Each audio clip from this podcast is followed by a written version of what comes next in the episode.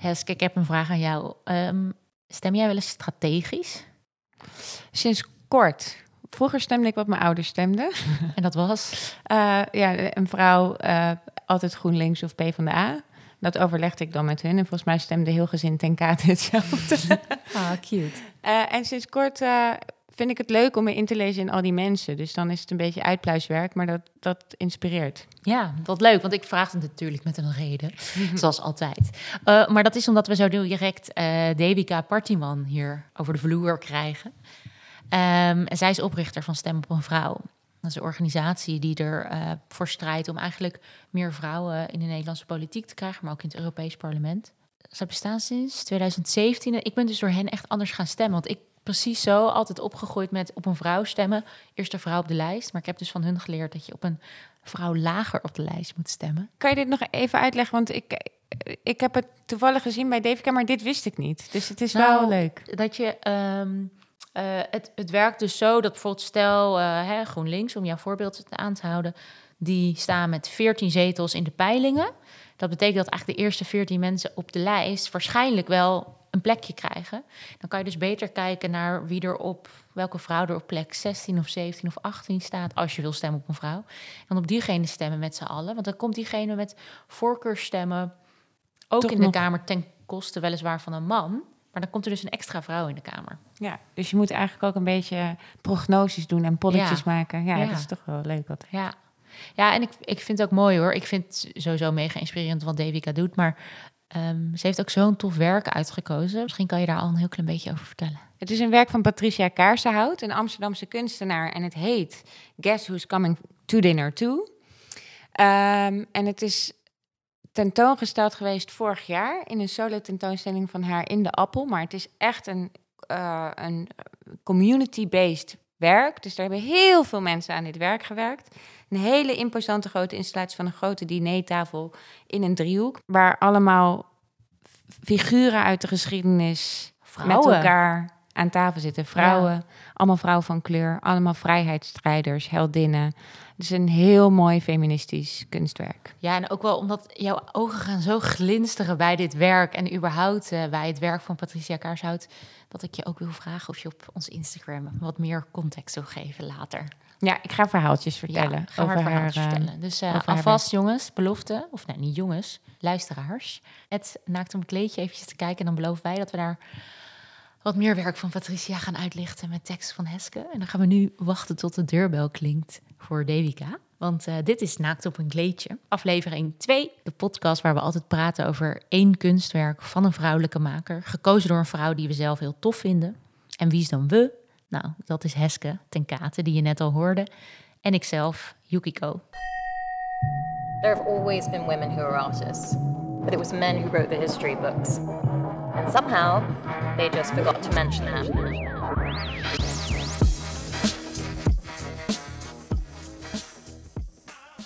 Devika, super fijn dat je er bent. Um, je hebt echt een heel interessant werk gekozen, vind ik zelf. Een tafel met allemaal plekken eraan, gedekt. Maar misschien moet je vooral vertellen wat jij ziet. Hoe kijk jij als, uh, als Devika Partiman naar dit werk? Neem ons eens mee. Ja, ik als Devika Partiman wil vooral heel graag aan die tafel zitten. Nee, ik vind het een heel tof werk. Ik heb het nog nooit in het echt gezien. En toch vind ik het, ik vind het nu al heel mooi. Ja. En ik wil het ook heel graag echt nog in het echt zien. Maar volgens mij soort van, moet ik mezelf dan inhouden om niet alles aan te raken. Gewoon, ja, ik weet niet. Het is gewoon een tafel waar je wil zitten. Het is visueel heel mooi. Het is heel uitnodigend. Het is in een driehoek, maar zeg maar open naar buiten toe. En ja. Het is helemaal gewoon een, een tafel zoals wij een tafel in een ruimte zouden zetten. En wat voor, wat voor kleuren zie je? Wat zie je op die tafel? Uh, er ligt een onderkleed van een soort van koraalblauw onder, heel mooi felle kleur. En dan de tafel is gedekt met soort van allemaal kleine kleedjes met paars en oranje en geel en geborduurde letters. Er staan allemaal dingen op en namen op. En overal staan soort van symbolenbeeldjes bijna eigenlijk. Op elke plek staat een klein beeldje waarvan je niet zo goed kan zien wat het is. Uh, elke is anders. Nou ja, het in ieder geval, ik wil het gewoon allemaal aanraken. Heerlijk. Ik vind het het goed als kunst je uitnodigt om aan te raken. Toch, Hesk? Ja, zij, bij dit werk is het inderdaad glasgeblazen sculpturen die zo glinsteren. En volgens mij is het ook altijd als oppervlakte spiegelen dat je er nog liever aan wil zitten. Dat je extra en dat er ook een ja, beetje er zit zoveel ambacht in dit werk. Het is zo mooi. Dus alles is handgeweven en handgestikt. En dus ja, dat, dat nodigt uit dat je er even aan wil voelen. Ja, maar voor wie is die tafel bedoeld? Er zijn 38 plekken. Ja. Eh, Patricia Kaarshout, de kunstenaar, eh, heeft dat ook heel bewust gedaan. Wie zou er wel aan moeten zitten? Ze heeft er eh, eigenlijk, nou ja, ze heeft 38 vrouwen gekozen uit de geschiedenis, waarvan ze eigenlijk vond dat die op een bepaalde manier onderbelicht zijn in de wereldgeschiedenis. Het is geïnspireerd op een heel bekend ander werk, ehm The Dinner Party, Ja, van Judy, help me even. Judy Chicago. Dankjewel. Judy, Judy Chicago. Echt een goede naam. Chicago. Wat een heel bekend feministisch kunstwerk is voor mensen die daar dingen over weten.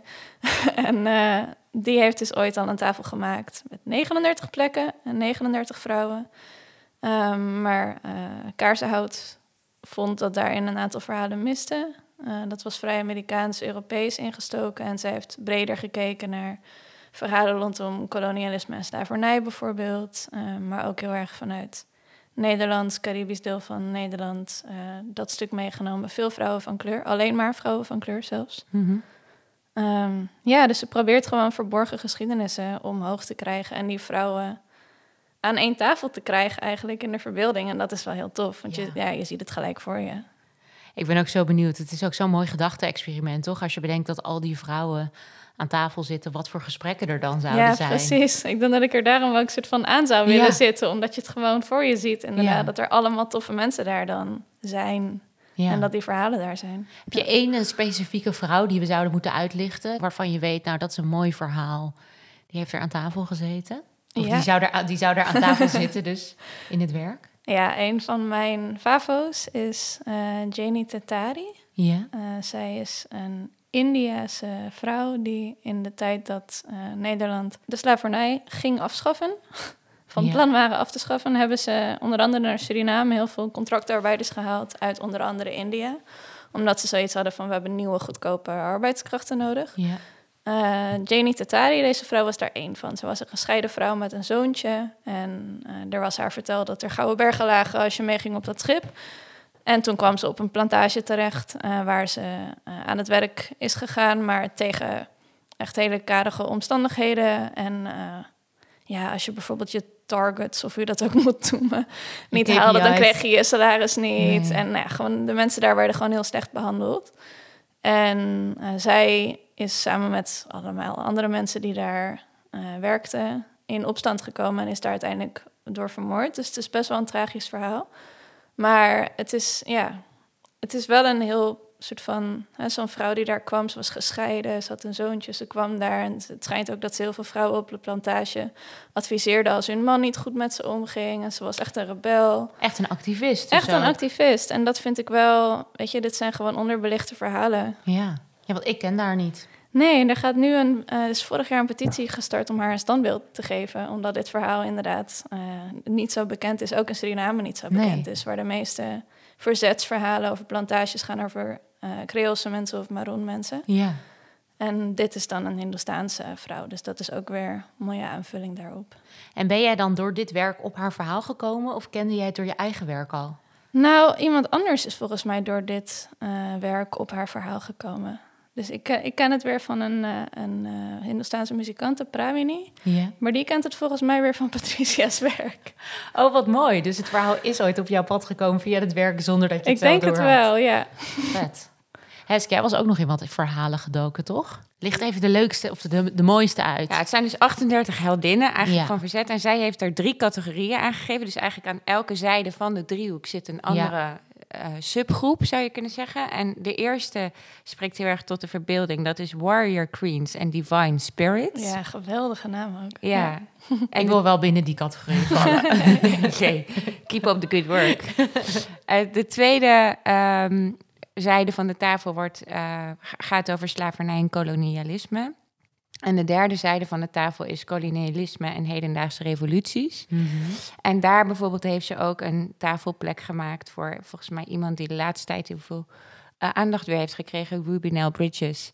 het eh, meisje wat als eerst naar een witte school ging, een zwart Afro- Afro-Amerikaans meisje, waar hele heftige persfoto's van waren, dat zij dus zo als een heel klein, lief meisje met een rugzakje op met haar moeder werd begeleid door allemaal ja, bodyguards en eh, patrouilles, omdat er zoveel opstand kwam eh, dat, dat zij eh, naar een witte school ging. En mensen houden hun kinderen van school. Dus dat verhaal staat erop. Ik vond ook mooi Queen Nanny, een vrouw uit Ghana.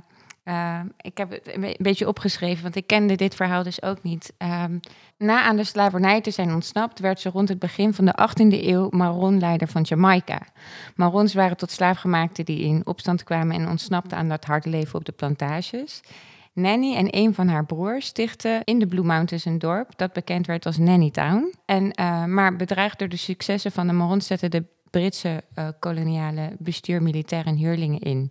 Om eigenlijk die hele gemeenschap weer kapot te maken. En helaas lukt dat dus ook. Dus in 1733 wordt zij vermoord eh, door een kapitein. En is haar lichaam, dus dat, dat lees je ook heel vaak, eh, gemolesteerd of verdwenen geraakt. Zodat ze niet als martelaar of als Geëerd als held worden. geëerd Ja. kan worden. Dus is ook, zij heeft ook niet een echt grote herdenkingsplek. En eh, een jaar later is Nannytown ook gekoloniseerd en bestaat dat nu dus niet meer. Dus dat soort verhalen van... eh, Maar dus ook veel verhalen van vrouwen die eigenlijk in onderdrukking hebben geleefd en in opstand zijn gekomen. Ja. Het is misschien ook wel mooi om even ehm, stil te staan bij de vrouw die hun allemaal aan tafel zet. Patricia Kaarshout zelf, eh, Nederlandse kunstenaar.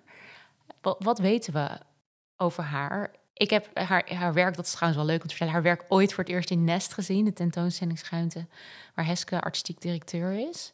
Ehm, maar daarna, nou, ik ben nooit echt in haar werk gedoken. Dus nu kwam ze eigenlijk voor het eerst weer op. Maar ja, hoe ken jij haar? Of wat weet je van haar?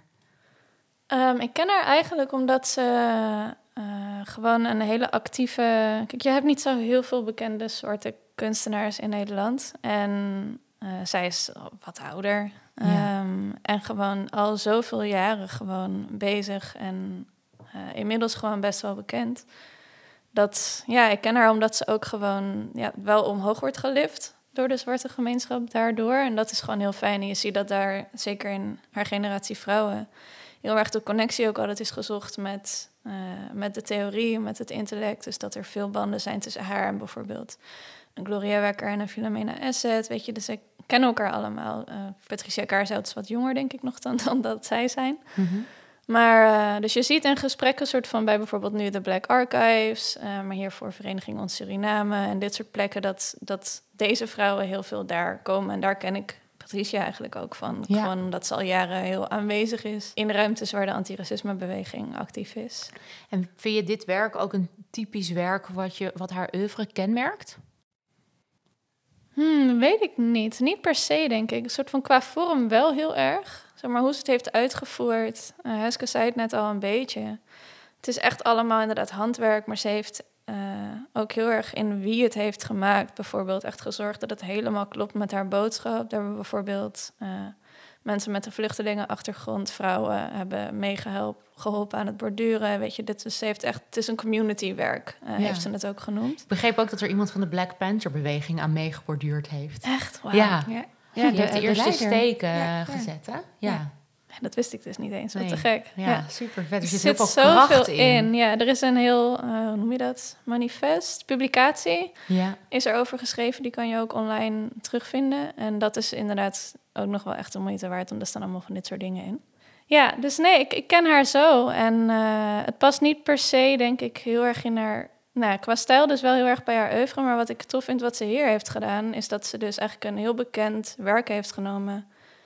uit, en ik chargeer een beetje, een, een wit feministisch perspectief... En daarvan eigenlijk heeft gezegd, en niet uit disrespect, maar gewoon zo van, hè, dat werk is iconisch en ik wil daarop voortbouwen. En dat heeft ze volgens mij op een hele mooie manier gedaan, die precies zo'n balans is dus dat je, tussen dat je niet een idee stilt, maar het echt helemaal van jezelf maakt. En eh, ja, nieuwe mensen een soort eerbetoon geeft. Dus dat vind ik wel heel vet. Ja. Ja, Heske, jij hebt volgens mij dat andere werk in het echt gezien, hè? De dinnerparty van Judy Chicago. Ja, ik heb ze allebei in het echt gezien. En, en ik denk inderdaad dat ik heb eigenlijk niks toe te voegen aan. Je hebt het volgens mij heel mooi verteld. Dat was een heel feministisch werk, ruim 40 jaar geleden. Eh, werd dat in de Brooklyn Museum eh, getoond. Staat daar permanent. Dus als je in New York bent een keer, dan kan ik het zeker aanraden om erheen te gaan. Een keertje gewoon het MoMA overslaan en gewoon lekker naar het Brooklyn Museum. Ja, en dan eh, zie je die tafel van Judy Chicago, die inderdaad dezelfde opstelling heeft. Dus weer zo'n driehoek, maar dan met 39 plekken inderdaad. En dat was toen een heel omstreden werk. Dus dat toen in het witte Amerika met door mannen gedomineerde museumwereld kwam Judy Chicago en ehm, eh, er stond echt rijen voor de deur om dat werk te kijken. Vooral door vrouwen, inderdaad, die uren in de rij stonden om die tafel te zien. En ehm, ja, volgens mij zeg jij het net heel mooi. Patricia dacht gewoon, we breiden de tafel uit. Want Ja. het is een heel eh, wit, westers, eh, feministisch perspectief, inderdaad. En wat Patricia doet, is gewoon de tafel vergroten of er een driehoek naast zetten.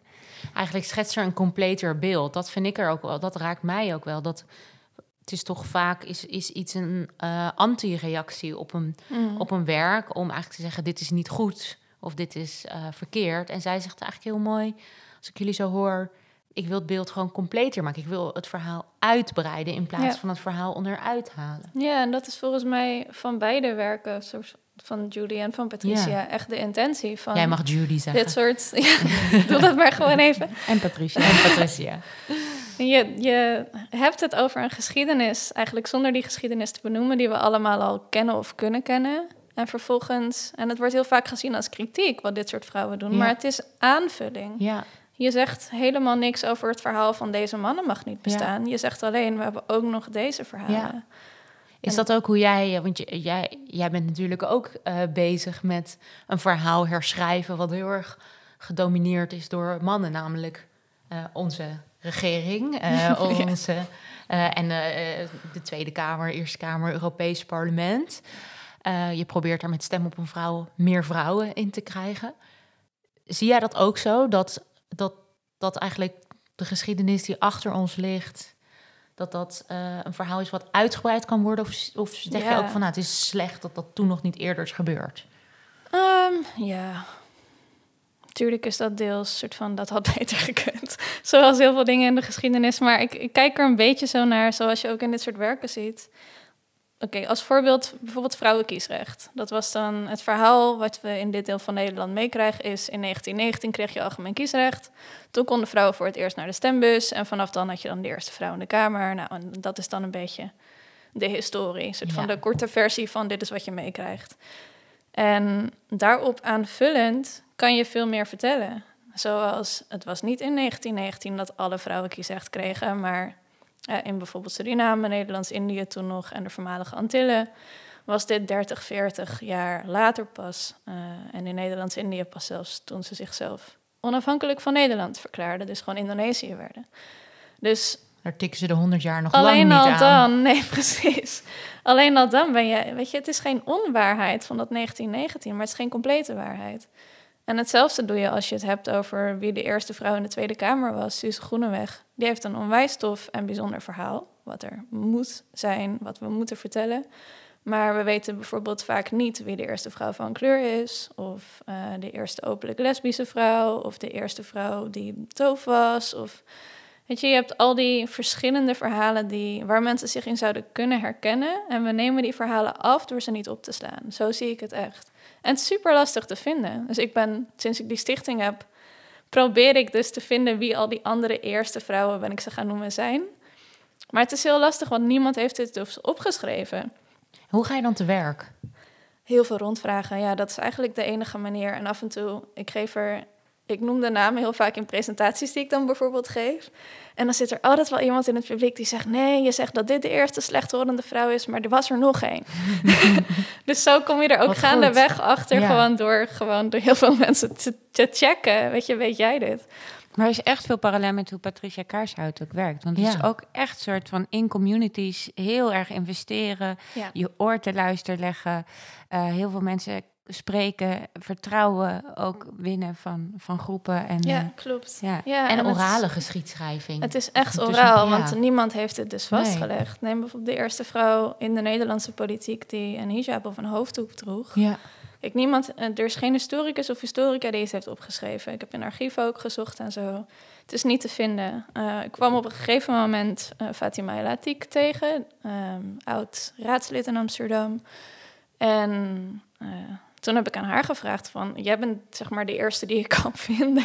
Heb jij enig idee of er nog iemand voor jou was? En zij zegt nee, bij mij weten niet. En dat ze het inderdaad toen ook vaak heeft gehoord van, je bent de eerste.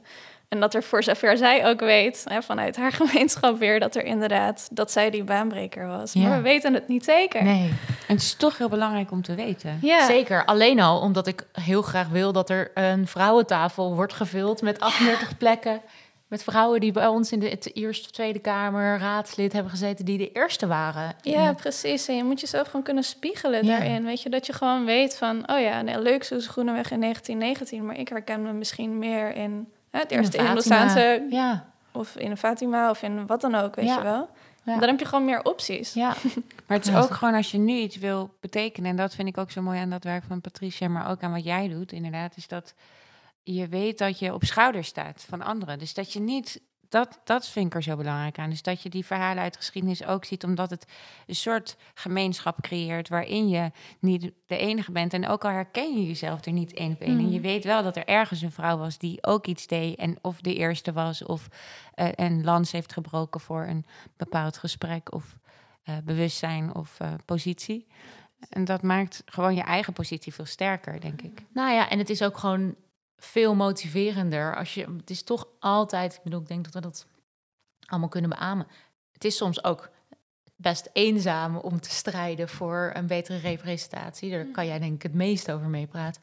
Het is gewoon super fijn om te weten vrouwen hiervoor zijn hier ook doorheen gegaan. Ja, klopt. En dan zie je ook, nou ja, bijvoorbeeld de verhalen aan Patricia's tafel, zijn er veel, zeg maar, heel lelijk afgelopen. Ja. Uh, vrouwen met wie het gewoon, die in een tijd leefden waarin het risico wat zij namen gewoon letterlijk hun het leven heeft gekost.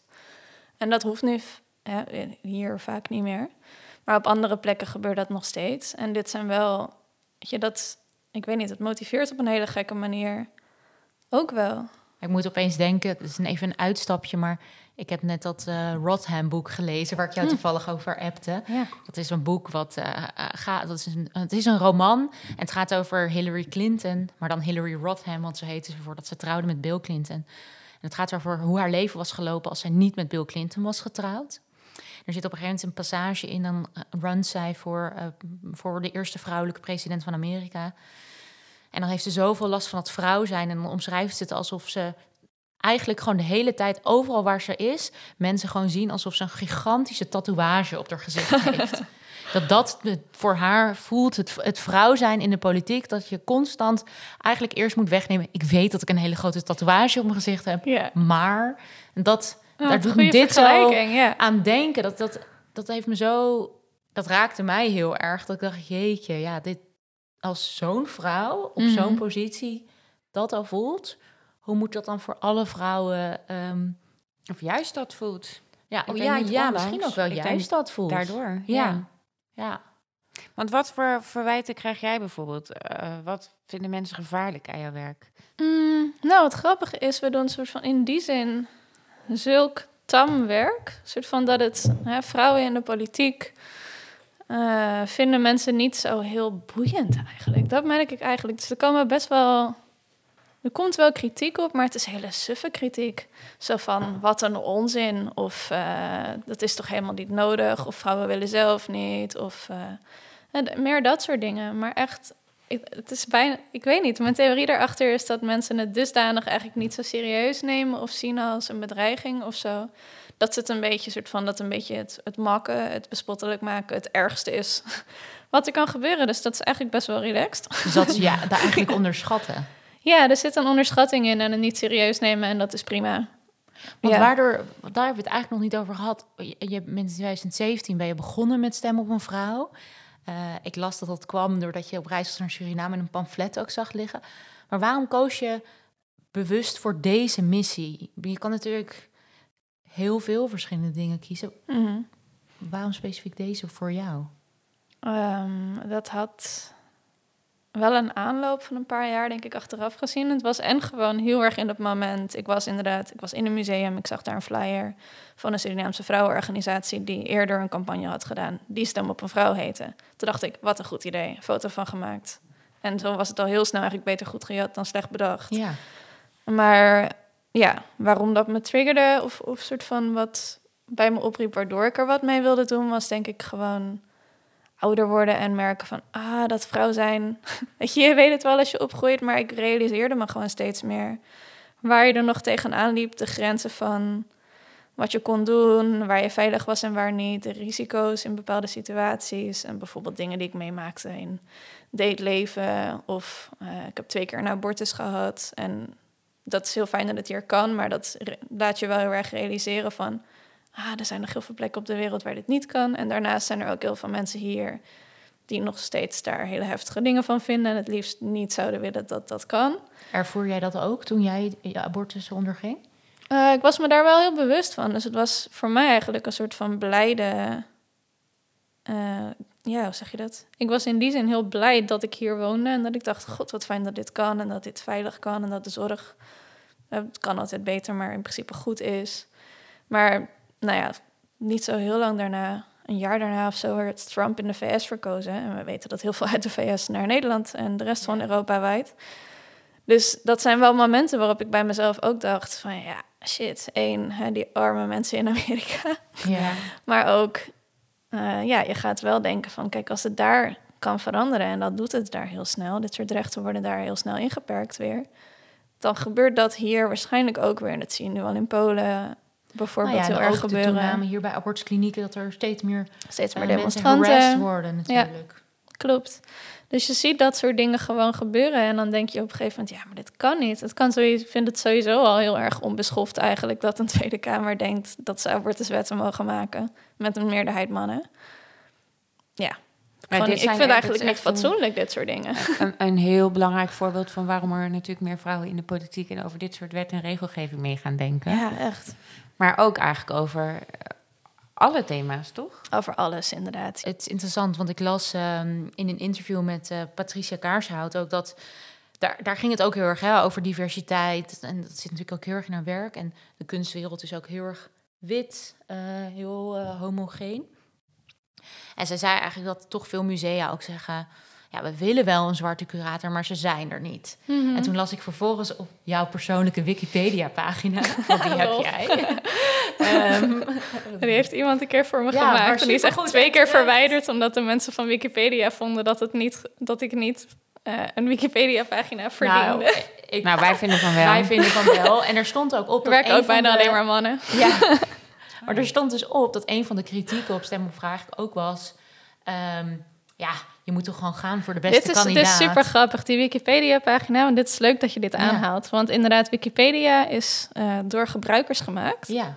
En dat zijn 90% mannen. Uh, die dat de content schrijven en aanleveren. En die dus eigenlijk ook bepalen wat de content is. En die het ook keuren. Je hebt Ja. een soort team bij Wikipedia die keurt wat er wel en niet opkomt. En eh, inderdaad, ik weet niet meer wie. Iemand in mijn omgeving had op een gegeven moment besloten... ik wil er eentje voor jou maken. Nou, superleuk. En eh, die kreeg het er maar niet doorheen. En toen uiteindelijk lukte het wel... omdat ze een soort van kritiek moest toevoegen. En er is letterlijk in de bijna vier jaar dat Stem op een Vrouw bestaat... één kritische column over ons geschreven. Naast alle lovende media-aandacht en goed nieuws. En die ene kritische column van een of andere opiniemaker van RTL is daar heeft de helft van mijn Wikipedia-pagina neemt het nu in. Dus Snap eigenlijk je? het feit dat jij één keer kritiek hebt ervoor Eén keer van een opiniemaker, wat prima onderuit Ja. te halen kritiek is. Nee, maar ik vind het interessant, want ik haal het natuurlijk aan... omdat Ja. het een heel veel gehoord argument is... waarvan we allemaal in ons onderbuik voelen... het is kul, Mhm. want kwaliteit is geen neutraal concept... Maar ik ben wel benieuwd hoe jij dat ziet. Want ik kan me wel voorstellen dat vaak mensen dat tegen jou zeggen van... Oh ja, klopt. Ja. Ja, eh, we moeten toch niet alleen maar vrouw. Het gaat om de beste kandidaat. En Ja. ehm, als een man net zo goed is. Mhm. Nee, mijn antwoord daarop is eigenlijk gewoon altijd hetzelfde. Dat klopt. Ehm, maar kijk, bijvoorbeeld in maart gaan we weer naar de stembus, hoop ik, iedereen, voor de Tweede Kamerverkiezingen. Dan zijn er een paar honderd mensen verkiesbaar bij al die verschillende partijen. Je gaat lijsten niet vertellen dat alleen die mannen kwaliteit hebben. Kijk, en dat is, het is zo'n lui argument. Natuurlijk gaat het om kwaliteit. Maar ik ben dan ook gewoon benieuwd van... Zie jij dan bijvoorbeeld hel in vrouwenquota? Absoluut. Ja, en dat is echt een best wel. Mensen doen daar heel moeilijk over, omdat ze dan in dezelfde reflex vallen van: oh shit, maar dan krijgen eh, vrouwen een podium die er bijvoorbeeld nog niet klaar voor zijn. En kijk, dat is niet de schuld van het quotum. Ik denk dan heel vaak: oké, als jij denkt, luister, we willen graag deze en deze en deze vrouwen dan op die lijst, maar ze missen bijvoorbeeld nog deze vaardigheid of skill, geef ze een training. Het is, not, het is niet zo moeilijk. En het andere argument wat mensen vaak aanhalen met quota is van ja, maar er is dan geen draagvlak. Of dan denken mensen dat ze er alleen zitten omdat ze vrouw zijn of omdat ze van kleur zijn of nou, wat dan ook. En dat is, wel, dat is een heel belangrijk punt, want inderdaad, je kan iemand wel neerzetten, maar als al je collega's zo denken, van oh, ondanks of je goed bent en geschikt en zo, als al je collega's zo denken, ga jij niks voor elkaar krijgen, zeker niet in de politiek. Dus dan werkt het niet. Dus wat je wel moet doen als je een quotum invoert, is dat je eerst heel geduldig met iedereen die betrokken is, in alle lagen van zo'n organisatie, moet gaan zitten en uitleggen wat is het probleem, waarom gaan we het op deze manier oplossen. En gewoon met elkaar praten totdat iedereen dat begrijpt. Dus eerst inclusief en Je dan moet divers. eerst met elkaar gewoon dat iedereen snapt. Oh ja, oké, we snappen is dat belangrijk. het nodig Ja, is. we Het staan is hier achter. En we Ja. staan hierachter. Dan kan iedereen ook meedenken, scouten, nou, noem het maar op. Maar als je het uit het niets doet, zonder hè, eventuele trainingen maar nodig, zonder begeleiding en zonder meenemen. draagvlak intern, Ja. kijk, dan gaat het fout. Nee. Tot slot, als we het dan hebben over de tafel van Patricia. Ehm, als jij nou uit je onderzoek hè, van al die eerste vrouwen in de politiek... één vrouw mag nomineren voor een plekje aan de tafel. Hmm. Wie zou dat zijn? Eh, dat is Tara Singh Pharma. Eh, zij was de, voor zover ik weet, dus de eerste vrouw van kleur in de Tweede Kamer. Eh, oorspronkelijk uit Guyana via Suriname naar, naar Nederland gekomen en daar uiteindelijk Tweede Kamerlid geworden. En eh, ik wil haar heel graag aan die tafel, omdat zij bekend is geworden om precies het verkeerde. Ze is bekend geworden omdat ze de, omstreden uiteindelijk. ze werd ook. omstreden inderdaad eh, door haar vertrek uit de Kamer. En zij kreeg psychoses in het laatste jaar van haar Kamerlidmaatschap. En eh loog toen dat ze een ziekte had. En dat werd toen een enorme heisa in de media. En iedereen vond er wat van. En ze is toen heel erg nou ja, negatief weggezet. En de partij uitgezet, de Kamer uitgezet. En dat is eigenlijk hoe mensen haar nog steeds kennen. Oh ja, dat was die vrouw die gek was. Dat was Ja. die vrouw die loog. Terwijl ze was, eens, ze was mentaal ziek. Dat kan ons allemaal overkomen. Weet je, dit is niet, het is niet haar schuld. Ja, dat is heel naar gegaan. En natuurlijk moet je een volksvertegenwoordiger dan hè, uit diegene's positie kunnen zetten. Maar voor mij was het soort van dubbel. En ze was die eerste vrouw van kleur. Dat ik ook denk, ja, geen wonder dat je Dat is heel dat het misschien wel niet Mentaal zo goed ging. super heftig, Oh, dat lijkt me mentaal super heftig. En dan dit ook nog, een soort van mentale ziekte als, als iets waardoor je iemand dan afschrijft. Dat, dat zou niet moeten kunnen. Nee. Nou, dat lijkt me een hele goede Ja. nominatie voor een plekje aan tafel. Ja, Dankjewel. jullie bedankt.